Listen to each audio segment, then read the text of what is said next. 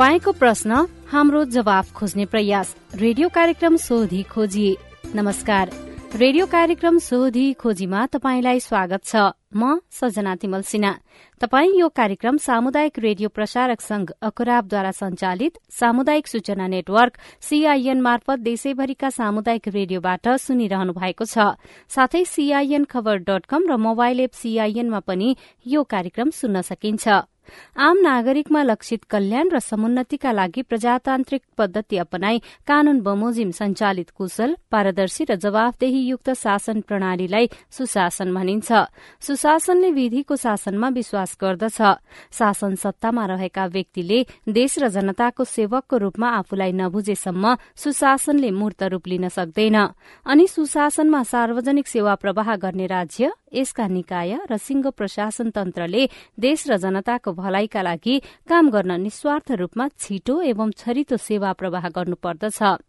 तपाईँले ती सेवा कसरी पाइरहनु भएको छ? तपाईँका सवाल र सेवालाई नागरिक मैत्री बनाउन केही प्रश्न तथा जिज्ञासाहरू छन्? तपाईँले सीआईएनमा पठाएका तिनै प्रश्न जिज्ञासाको हामी जवाब खोज्नेछौ। तपाईँले गरेको प्रश्न सवाल हो। सवालको जवाब कसले दिन्छ? यी जम्मै सवालको प्रमुख जिम्मेवार को हो? हामी जिम्मेवार निकाय र व्यक्तिलाई सोध्ने मात्रै छैनौं त्यसको खोजी पनि गर्नेछौं। तपाईँको प्रश्नको उत्तर मात्रै खोज्ने छैनौं त्यसपछि त्यो सवाललाई टुङ्गोमा पुर्याउन के भइरहेको छ त्यसको पनि सोधी खोजी गर्नेछौ। हाम्रो टेलिफोन नम्बर शून्य एक बान्न साठी छ चार छमा फोन गरेर रेकर्ड गर्नुहोस्। यो नम्बरमा तपाईँले जुनसुकै बेला फोन गरेर आफ्नो प्रश्न रेकर्ड गर्न सक्नुहुनेछ। यसै सीआईएनको Facebook page community information network सीआईएनमा गएर पनि आफ्ना कुरा लेख्न सक्नुहुनेछ। तपाई प्रश्न राख्नुहोस् हामी जवाफ खोज्नेछौ कार्यक्रम सोधी खोजीमा।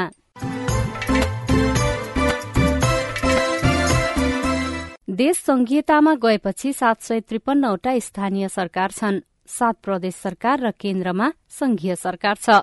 संघ प्रदेश र स्थानीय सरकारबाट सम्पादन हुने काममा ढिलासुस्ती छ अनियमितता भएको छ नियम मिचेर कसैले काम गरेको छ भने तपाईँले ती गुनासा सीआईएनमा राख्न सक्नुहुनेछ।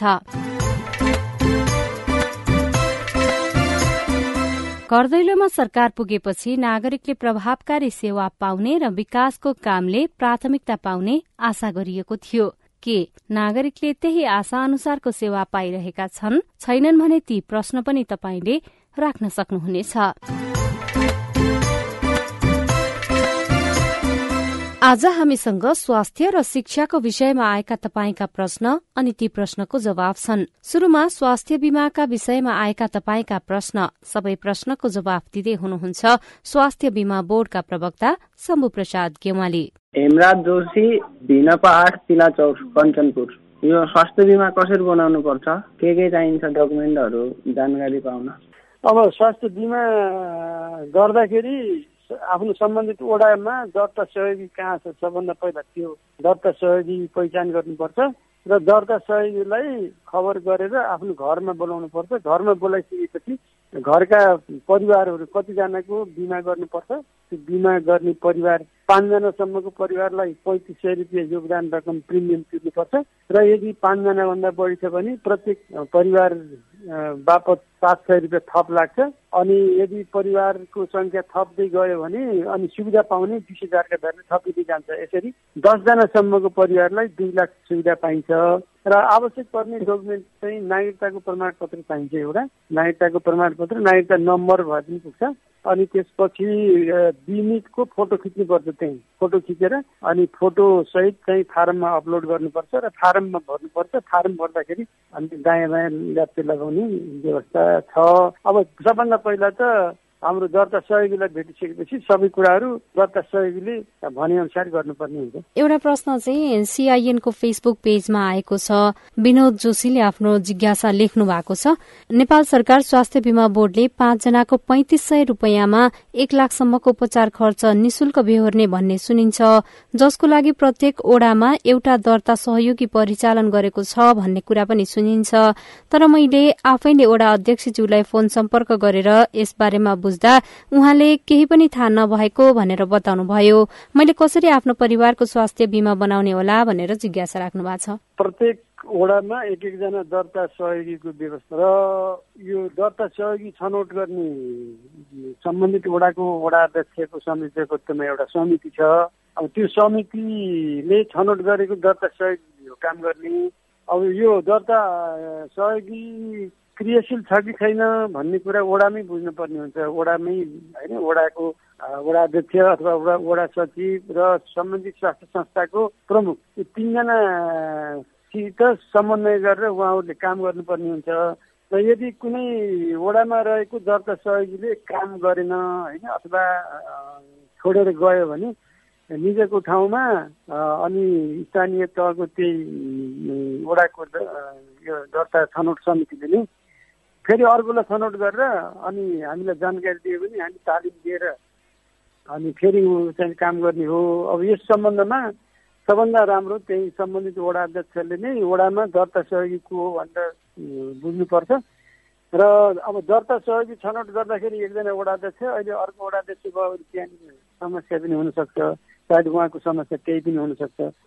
अर्को अब उहाँको अर्को प्रश्नमा एक लाख बराबरको सुविधा पाउने हो। पहिला त बिमा बिमित बिमा गर्नु पर्यो र बिमा सक्रिय भइसकेपछि सबभन्दा पहिला नजिकको सरकारी स्वास्थ्य संस्थामा प्रथम सेवा बिन्दु भन्छौँ हामी। त्यहाँ उपचार गर्न जाने हो र त्यहाँबाट उपचार सम्भव भएन भने प्रेसन्ट केन्द्रमा जाने र एक लाखसम्म रहँदासम्म उपचार नि शुल्क पाउने व्यवस्था छ। हजुर तपाईँले जसरी ओडा अध्यक्षले गर्ने हो भनेर भन्नुभयो ओडा अध्यक्षलाई नै यो बिमा पनि छ ओडामा भनेर नै जानकारी नहुँदा चाहिँ अब कसरी अघि बढ्ने? यस्तो छ अब जानकारी वडा अध्यक्षकै संयोजकत्वमा छनौट समिति भएको हुनाले अब त्यो जानकारी छैन भन्न त अलि मिल्दैन होला। अथवा पहिला कुनै वडा अध्यक्ष हुँदाखेरि नियुक्ति भएका दर्ता सहयोगी छन् भने अब नयाँ वडा अध्यक्ष आउनु भएको छ भने थाहा छैन होला उहाँलाई। तर यो जानकारी त्यहाँको वडा सचिव अथवा त्यहाँको स्वास्थ्य संस्था प्रमुख र स्वास्थ्य संस्थामा थाहा हुन्छ। त्यहाँबाट पनि दर्ता सहयोगी को हो भन्ने कुरा किनभने दर्ता सहयोगी भनेको सम्बन्धित वडामा बस्ने व्यक्तिलाई नै छनौट गरी आउँछ त्यो बाहिरको पनि हुँदैन त्यो। होइन त्यो हाम्रो त्यो मापदण्ड छनौट मापदण्डमै त्यही छ। त्यही स्थानीय वडाकै बासिन्दा भएको हुनाले को हो भन्ने कुरा त पत्ता लाग्छ। अब त्यसतर्फ चाहिँ उहाँहरूको हुनुपर्छ बढी। यो स्वास्थ्य बिमामा आबद्ध भइसकेपछि बिमाकर्ता बिमकहरूले चाहिँ के कस्ता फाइदा लिन सक्छन् त्यो पनि भनिदिनुहोस् न। अब यस्तो छ यो बिमा सक्रिय भइसकेपछि तोकिएका स्वास्थ्य संस्था स्वास्थ्य बिमा बोर्डले स्वीकृत गरेका स्वास्थ्य संस्थामा गयो भने सबै कुराहरू नि शुल्क हुन्छ तर केही सेवाहरू चाहिँ यसमा पर्दैनन् जस्तै प्लास्टिक सर्जरीहरू अनि कृत्रिम गर्भाधानको कुराहरू अनि त्यसरी दाँतको चाहिँ अलिक विशिष्ट खाले उपचारहरू यो सेवा पर्दैन अन्य सम्पूर्ण सेवाहरू पर्दैन। नमस्कार म चाहिँ बर्दिया गुलेरिया नगरपालिका वडा नम्बर चारदेखि रामबहादुर क्लामी बोल्दैछु। हामी यो ख वर्ग भएका अशक्त अपाङ्गता भएका व्यक्तिहरूलाई निशुल्क स्वास्थ्य बिमा किन हुँदैन? यदि हुँदैन भने के कारणले हुँदैन र हुन्छ भने हामीले के गर्नुपर्छ? बिमा नियमावली र ऐनमा उल्लेख भएको कुरा के भन्दाखेरि अति अशक्त अपाङ्ग जसले रातो कार्ड पाएको हुन्छ त्यसलाई मात्रै योगदान रकम हामी प्रिमियम भन्छौँ। यो चाहिँ छुट छ। तर अब ख वर्गको र अन्य वर्गको लागि चाहिँ हाम्रो ऐन नियममा नभएको हुनाले अहिले तत्काल हामीले चाहिँ त्यसमा समावेश गर्न सक्दैनौँ। अब पछि चाहिँ ऐन नियम संशोधन भएर अथवा चाहिँ त्यसमा कुनै परिमार्जन भएर त्यो लागू हुने भयो भने त्यो अलग कुरा हो। तर अहिलेसम्म त्यो नियम छैन। मेरो ठेगाना तुलसीपुर वडा नम्बर तेह्र मजघटमा मेरो श्रीमतीलाई दुई हजार उनासी माघ नौ गते रातुको स्थानमा अपरेसन गराइएको पिता थलिएको अपरेसन गराएको पथरी निकालेको हो र त्यहाँ स्वास्थ्य बिमाद्वारा गराइएको हो र जे जस्तो पनि बिमारीहरू सबै हल गर्नको लागि एक लाख बराबरको मुआवजा दिएर सरकारले निशुल्क दबाई गराउँछ भन्ने सुनिएको छ र सुनिँदै रहन्छ। र त्यसमा गैर कानुनी हिसाब मैले पाएको छु त्यसमा कसैलाई यति त्यसमा पर्ने र कसैलाई नपर्ने भन्ने कुरो कसरी भयो त्यो सबै जति पनि जनता छ नेपाली जनताहरू स्वास्थ्य बिमा बनाएकाहरू सबैलाई बराबरको कानुन नभएको हो कि या त्यसमा उपलब्ध उसले गराउन सकिन हस्पिटलले र व्यक्तिगत खर्च गरेर मैले अपरेसन गराएँ अरू कसैले पनि गरायो होला दबाई खर्च गरायो होला र त्यसमा त्यो पैसा वापसी हुन्छ प्रष्ट पारिदिनु हुन। कसैलाई चाहिँ सेवा दिने कसैलाई नदिने जस्तो कुरा गर्नुभएको छ बिमितहरू सबै चाहिँ अस्पताल अथवा सेवा प्रदायकले सबैलाई समान उपचार गर्नुपर्छ र जुन सुविधा एक लाख बराबरको नि शुल्क उपचार गर्ने सुविधा छ त्यो रकम रहेसम्म पैसा लिनु मिल्दैन त्यहाँ त्यसमा होइन? रकमभित्र तोकिएका औषधि उपचारहरू चाहिँ नि शुल्क हुन्छ। है त्यसमा कसैलाई चाहिँ दिने कसैलाई नदिने भन्ने हुँदैन। यदि त्यस्तो छ कसैलाई यदि सेवा प्रदायकबाट त्यस्तो भेदभाव भएको छ भने एउटा चाहिँ स्वास्थ्य बिमा बोर्डमा त्यस सम्बन्धी शिकायत गर्ने व्यवस्था हुन्छ। शिकायत गर्नुभयो भने हामी सम्बन्धित स्वास्थ्य सेवा प्रदायकलाई यस सम्बन्धमा बुझेर नियमन गर्ने कुराहरू चाहिँ हामी त्यो कुरामा अगाडि बढ्दछौँ। यसमा पनि कुन औषधि पाउने कुन औषधि नपाउने कुन सेवामा पाउने कुन सेवामा नपाउने भन्ने कुराहरू हुन्छन् होला नि त? होइन त्यस्तो हुँदैन। औषधिहरू चाहिँ लगभग एघार सय आठ किसिमको औषधि सूचीकृत छन्। अब सामान्य त्यहाँ नपाउने भन्ने हुँदैन। कहिलेकाहीँ अब अस्पतालको फार्मेसीमा सर्ट भएको हुनसक्छ अथवा त्यो अभाव भएको बेला परेको हुनसक्छ। त्यस्तोमा मात्रै होला बाहिर किन्न पर्ने। अन्यथा अब फार्मेसीमा त्यो जति किसिमका औषधिहरू हामीले सूचीकृत गरेका छौँ अब त्यसमा एकदम अत्यधिक माग हुने औषधिहरूको व्यवस्था गर्नुपर्छ। त्यो अनुसारको चाहिँ वितरण पनि गर्नुपर्ने हुन्छ। त्यसमा छैन भन्ने कुरा हुँदैन।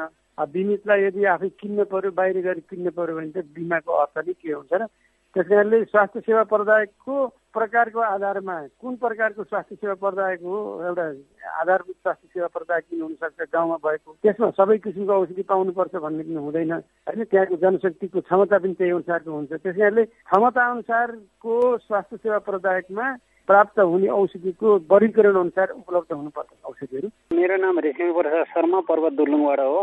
म चाहिँ सुगर पेसेन्ट हो। तपाईँको त्यहाँ चाहिँ डक्टरसँग गएर मैले चेकअप गराउँदाखेरि डक्टरले चाहिँ दबाई लेख्नुहुन्छ। अनि त्यो डक्टरले लेखिसकेको दबाई मैले मेडिकलमा गएर म स्वास्थ्य बिमा गरे मान्छे हो। त्यहाँ गएर दबाई लेखाइसकेपछि त्यो डक्टर लेखेको दबाई चाहिँ तिनवटा दबाई लेखिन्छ। एउटा दबाई चाहिँ दिइन्छ दुईवटा दबाई चाहिँ इन्टु बाहिर किन्नुहोस् यहाँ मिल्दैन भनेर भनिन्छ। अनि मैले डक्टर साहबसँग सोधेँ यो दबाई यहाँ पाइन्छ पाइन्न भन्दाखेरि उहाँले चाहिँ पाइन्छ यहीँ लिनुहुन्छ यहीँ पाउनुहुन्छ भनेर भन्नुहुन्छ। र त्यहाँ चाहिँ लिँदाखेरि पाइँदैन। यसको यथार्थ विवरण के हो? अनि यो कुन कुन दबाई कसरी पाइने हो? अस्पतालमा डाक्टर साहबले लेखेको औषधि चाहिँ फार्मेसीले नदिएको भन्ने जस्तो गुनासो भयो अस्पतालको फार्मेसीमा। अब यो प्रिस्क्रिप्सनमा गरेको औषधिहरू सबै दिनुपर्छ फार्मेसीले अथवा कहिलेकाहीँ अभाव भएको बेलामा उपलब्ध नहुने कुरा फरक कुरा छ होइन? अन्यथा बिरामीलाई बिमितलाई दिनुपर्ने औषधिहरू चाहिँ त्यहाँबाट उपलब्ध हुनुपर्ने व्यवस्था छ हाम्रो। र यस सम्बन्धी पनि कुनै गुनासोहरू त्यस्तो भयो भने स्वास्थ्य बिमा बोर्डमा यहाँले लिखित दिनुभयो भने हामी हामी चाहिँ त्यो सम्बन्धित अस्पताल कुन अस्पताल हो अनि के भएको त्यहाँ सबै कुराहरू बुझेर हामी चाहिँ अगाडि बढ्न सजिलो हुन्थ्यो। टाढा भएको हकमा उजुरी दिन चाहनुभयो भने कसरी दिन सक्नुहुन्छ बोर्डमा? टोल फ्री नम्बरमा पनि टिपाउन सक्नुहुन्छ नाम र कन्ट्याक्ट नम्बर दिएर अर्को लिखित रूपमा हाम्रो इमेलहरू छ। त्यो वेबसाइटमा जानुभयो भने स्वास्थ्य बिमा बोर्डको वेबसाइटमा विभिन्न इमेलहरू छ। त्यहाँ गुनासो गर्ने इमेलहरू दिन्छ अनि त्यहाँ इमेलमा पठाउनु भयो भने हामी तुरुन्तै तिन दिनभित्र त्यसको गुनासोको सुनवाई गर्छौँ। सम्बन्धित अस्पतालहरू सम्बन्धित सेवा प्रदायकलाई सोध्छौँ त्यहाँ गुनासो अनुसारको अवस्था के हो भनेर सोध्छौँ। र त्यसको अवस्था बुझ्नको लागि हाम्रो जिल्लामा र प्रदेशमा पनि हाम्रो यो बिमाको निकायहरू छन्। त्यहाँबाट पनि जनशक्तिबाट पनि बुझेर होइन यथार्थ के हो? अनि हामी चाहिँ अगाडि बढ्छौँ त्यस त्यसको आधारमा। टोल फ्री नम्बर कति हो? अनि इमेल ठेगाना कुन हो? त्यो पनि भनिदिनुहोस् न किनभने सबैजना इन्टरनेटको पहुँचमा पुग्नुहुन्छ नै भन्ने पनि भएन नि। यो स्वास्थ्य बिमा बोर्डको टोल फ्री नम्बर एक छ छ शून्य शून्य एक एक एक दुई दुई चार। म फेरि यसको टोल फ्री नम्बर दोहोऱ्याउँछु। एक छ छ शून्य शून्य तिनवटा एक दुईवटा दुई र चार। यो स्वास्थ्य बिमा बोर्डको टोल फ्री नम्बरमा आफ्ना गुनासोहरू टिपाउन सकिन्छ। र अर्को इमेलबाट पनि आफ्ना गुनासोहरू राख्न सकिन्छ। स्वास्थ्य बिमा बोर्डको गुनासो सुन्ने email feedback at the rate H I B dot G O V dot N P मैले यसलाई अक्षरमा भन्छु। S E D B A C K at the rate S I B dot G O V dot N P यो toll free वा email ठेगानामा चाहिँ उहाँहरूले कुनै पनि गुनासाहरू राख्न सक्नुहुन्छ। उहाँ हुनुहुन्थ्यो स्वास्थ्य बीमा बोर्डका प्रवक्ता शम्भु प्रसाद गेवाली। स्वास्थ्य बीमासँग सम्बन्धित प्रश्नको जवाफ दिँदै। तपाईँ अहिले कार्यक्रम सोधी खोजी सुनिरहनु भएको छ। यो कार्यक्रम सामुदायिक रेडियो प्रसारक संघ अकुराबद्वारा संचालित सामुदायिक सूचना नेटवर्क सीआईएन मार्फत देशैभरिका सामुदायिक रेडियोसँगै सीआईएन खबर डट कम र मोबाइल एप सीआईएनमा पनि सुन्न सकिन्छ। कार्यक्रममा हामी तपाईँको प्रश्न लिन्छौं अनि ती प्रश्नको जवाब सम्बन्धित निकायलाई सोध्छौं। तपाई पनि कार्यक्रममा सहभागी हुन सक्नुहुनेछ। त्यसको लागि तपाईँले शून्य एक बान्न साठी छ चार छमा फोन गरेर आफ्नो प्रश्न रेकर्ड गर्न सक्नुहुनेछ। यस्तै सीआईएनको Facebook page community information network सीआईएनमा गएर पनि आफ्ना कुरा लेख्न सक्नुहुनेछ। केही बेर कि हामीले स्वास्थ्य बीमा बोर्डका प्रवक्ता शम्भु प्रसाद गेवालीसँग स्वास्थ्य बीमासँग सम्बन्धित प्रश्नको जवाफ लियौं। अब भने अपाङ्गता परिचय पत्रसँग सम्बन्धित जिज्ञासा। जिज्ञासा मेटाइदिनको लागि हामीले राष्ट्रिय अपाङ्ग महासंघ नेपालका निवर्तमान अध्यक्ष मित्रलाल शर्मालाई अनुरोध गरेका छौं।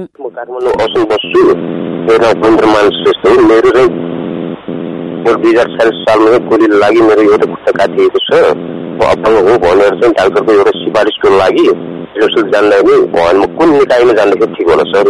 उहाँको खुट्टा काटिएकै भइसकेपछि उहाँको खुट्टा काटिएको प्रष्ट देखिन्छ। उहाँको अपाङ्गतालाई अरू कसैले प्रमाणित गरिरहनु पर्ने स्थिति छैन।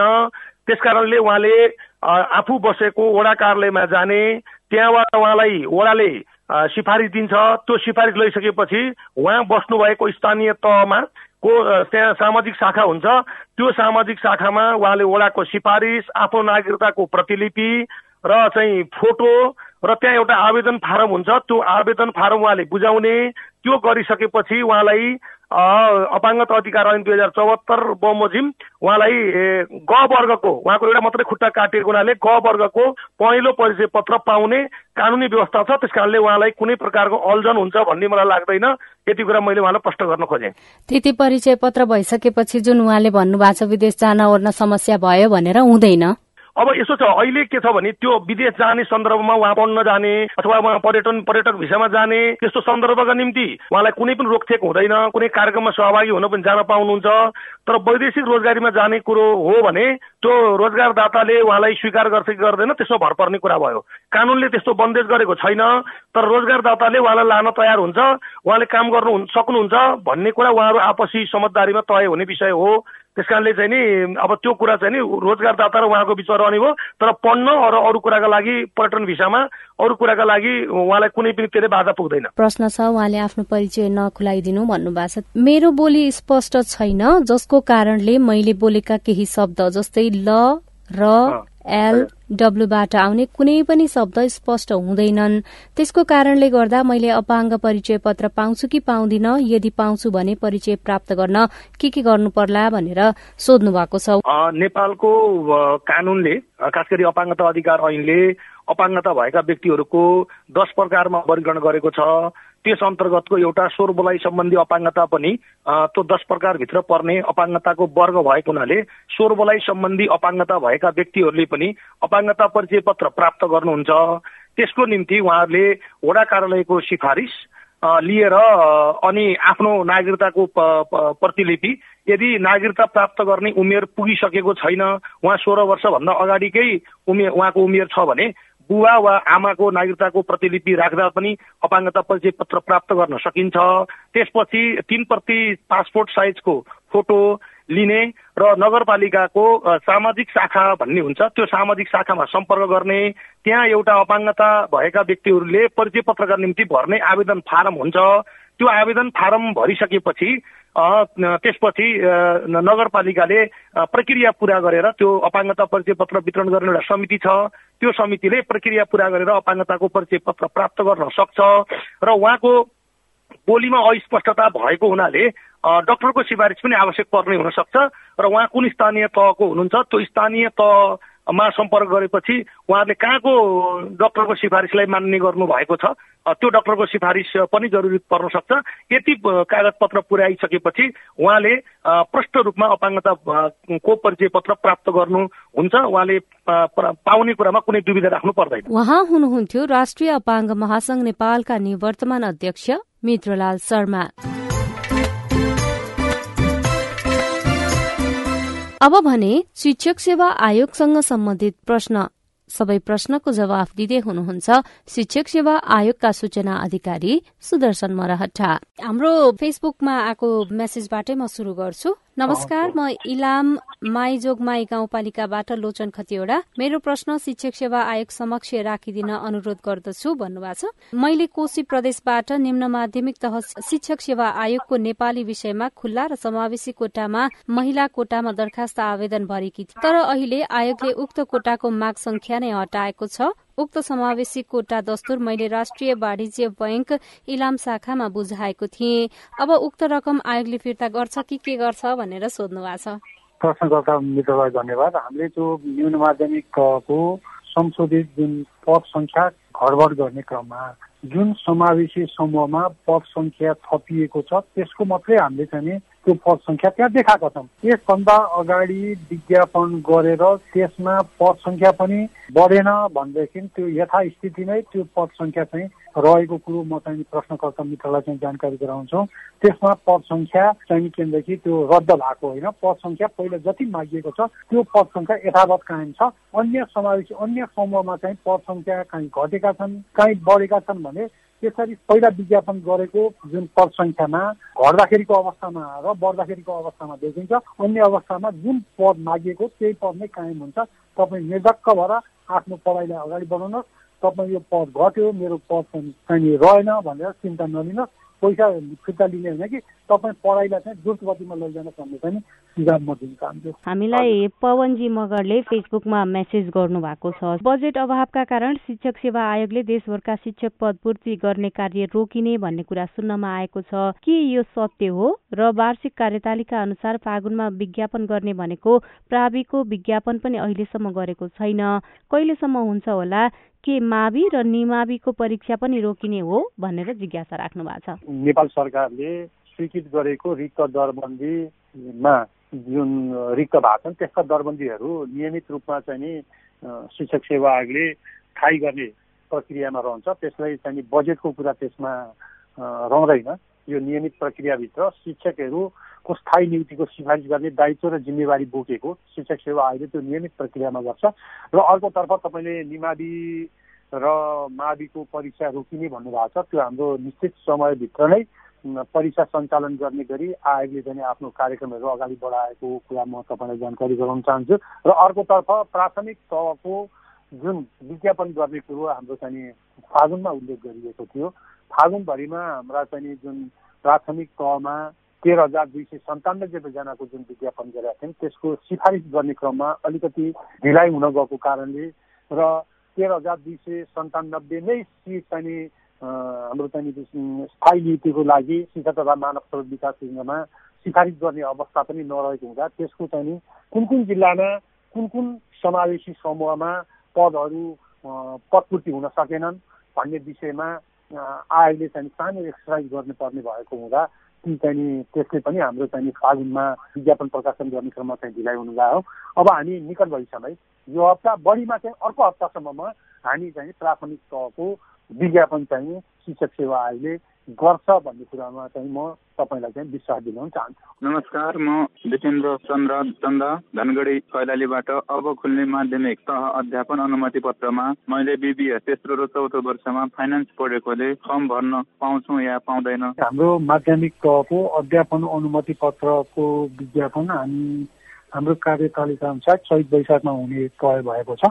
र तपाईँले अहिले बिबिएस पास गरिसक्नु भएको छ भनेदेखिको अवस्थामा स्नातक तह पास गर्नुभयो भने तपाईँ उम्मेदवार हुन सक्नुहुन्छ र पढ्दै गरेको अवस्थामा तपाईँ माध्यमिक तहको अध्यापन अनुमति पत्रको जुन विज्ञापन हुँदाखेरि पनि तपाईँ दरखास्त दिन सक्नु हुँदैन किनकि कुनै पनि पदमा कुनै पनि तहमा उम्मेदवार हुनको लागि सम्बन्धित तहमा चाहिँ माध्यमिक तहको हकमा स्नातक तह र त्यसमा पनि तपाईँ बिबिएस भनिरहनु भएको छ। तपाईँ कार्यालय सञ्चालन लेखा बाहेक अर्कोमा चाहिँ तपाईँले फर्म भर्न नसक्ने भएको हुँदा तपाईँ स्नातक पास गरेपछि मात्रै तपाईँ उम्मेद्वार हुन सक्नुहुन्छ। पढ्दै गरेका विद्यार्थीहरू अध्यापन अनुमति पत्रको परीक्षामा सहभागी हुन सक्दैनन्।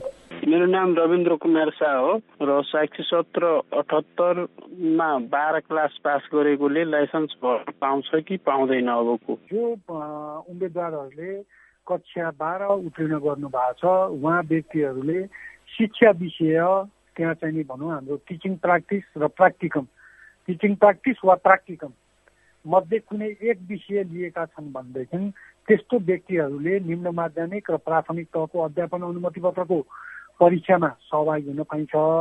यदि ती विषय लिएको रहेछ त्यो दुई मध्ये कुनै एक विषय लिएको छैन भने अहिले चाहिँ त्यसलाई तालिमको रूपमा शिक्षा विषयमा कम्तीमा दस महिना तालिमको रूपमा त्यसलाई नलिएको हुँदा तपाईँले प्र्याक्टिकम लिनु भएको छ कि छैन? र चाहिँ तपाईँले टिचिङ प्र्याक्टिस गर्नु भएको छ कि छैन? यो दुईवटा मेजर विषय यदि छ भने उम्मेद्वार हुन सक्नुहुन्छ। अन्यथा आएको निम्न माध्यमिक तहको अध्यापन अनुमति पत्रको परीक्षामा त्यस्ता व्यक्तिहरू उम्मेद्वार हुन नसक्ने कुरा तपाईँ मार्फत अन्य चाहिँ हाम्रा श्रोताहरूलाई पनि म जानकारी गराउँदछु उहाँ हुनुहुन्थ्यो शिक्षक सेवा आयोगका सूचना अधिकारी सुदर्शन मरहट्टा। आयोगसँग सम्बन्धित प्रश्नको जवाफ दिँदै। तपाईँका प्रश्नहरूको जवाफ खोज्दा खोज्दै रेडियो कार्यक्रम सोधी खोजीको आजको अङ्कबाट विदा लिने समय भएको छ। तपाईँलाई यो कार्यक्रम कस्तो लाग्यो? नागरिकले प्राप्त गर्ने सेवा र विकास निर्माणको कामलाई गुणस्तरीय र प्रभावकारी बनाउन के गर्नु पर्ला? तपाईँका केही सुझाव र टिप्पणी छन् भने हाम्रो टेलिफोन नम्बर शून्य एक बान्न साठी छ चार छमा फोन गरेर रेकर्ड गर्नुहोस्। यो नम्बरमा तपाईँले जुनसुकै बेला फोन गरेर आफ्ना प्रश्न रेकर्ड गर्न सक्नुहुनेछ। यस्तै सीआईएनको Facebook page community information network सीआईएनमा गएर पनि आफ्ना कुरा लेख्न सक्नुहुनेछ। तपाई प्रश्न राख्नुहोस् हामी जवाफ खोज्नेछौ। कार्यक्रम सोधी खोजीमा। यो कार्यक्रमलाई थप प्रभावकारी बनाउन तपाईँको सुझाव महत्वपूर्ण हुनेछ। हेलो सीआईएनमा हरेक दिन रेडियो कार्यक्रम मार्फत अर्को हप्ता तपाईँका प्रश्नको जवाब खोज्दै आइपुग्नेछौ। आजका लागि प्राविधिक साथी सुनिल राज भारतलाई धन्यवाद। अहिलेको रेडियो कार्यक्रम सोधी खोजीबाट सजना तिमल सिना विदा हुन्छु। प्रश्न सोध्न अप्ठ्यारो नमानौ। नमस्कार।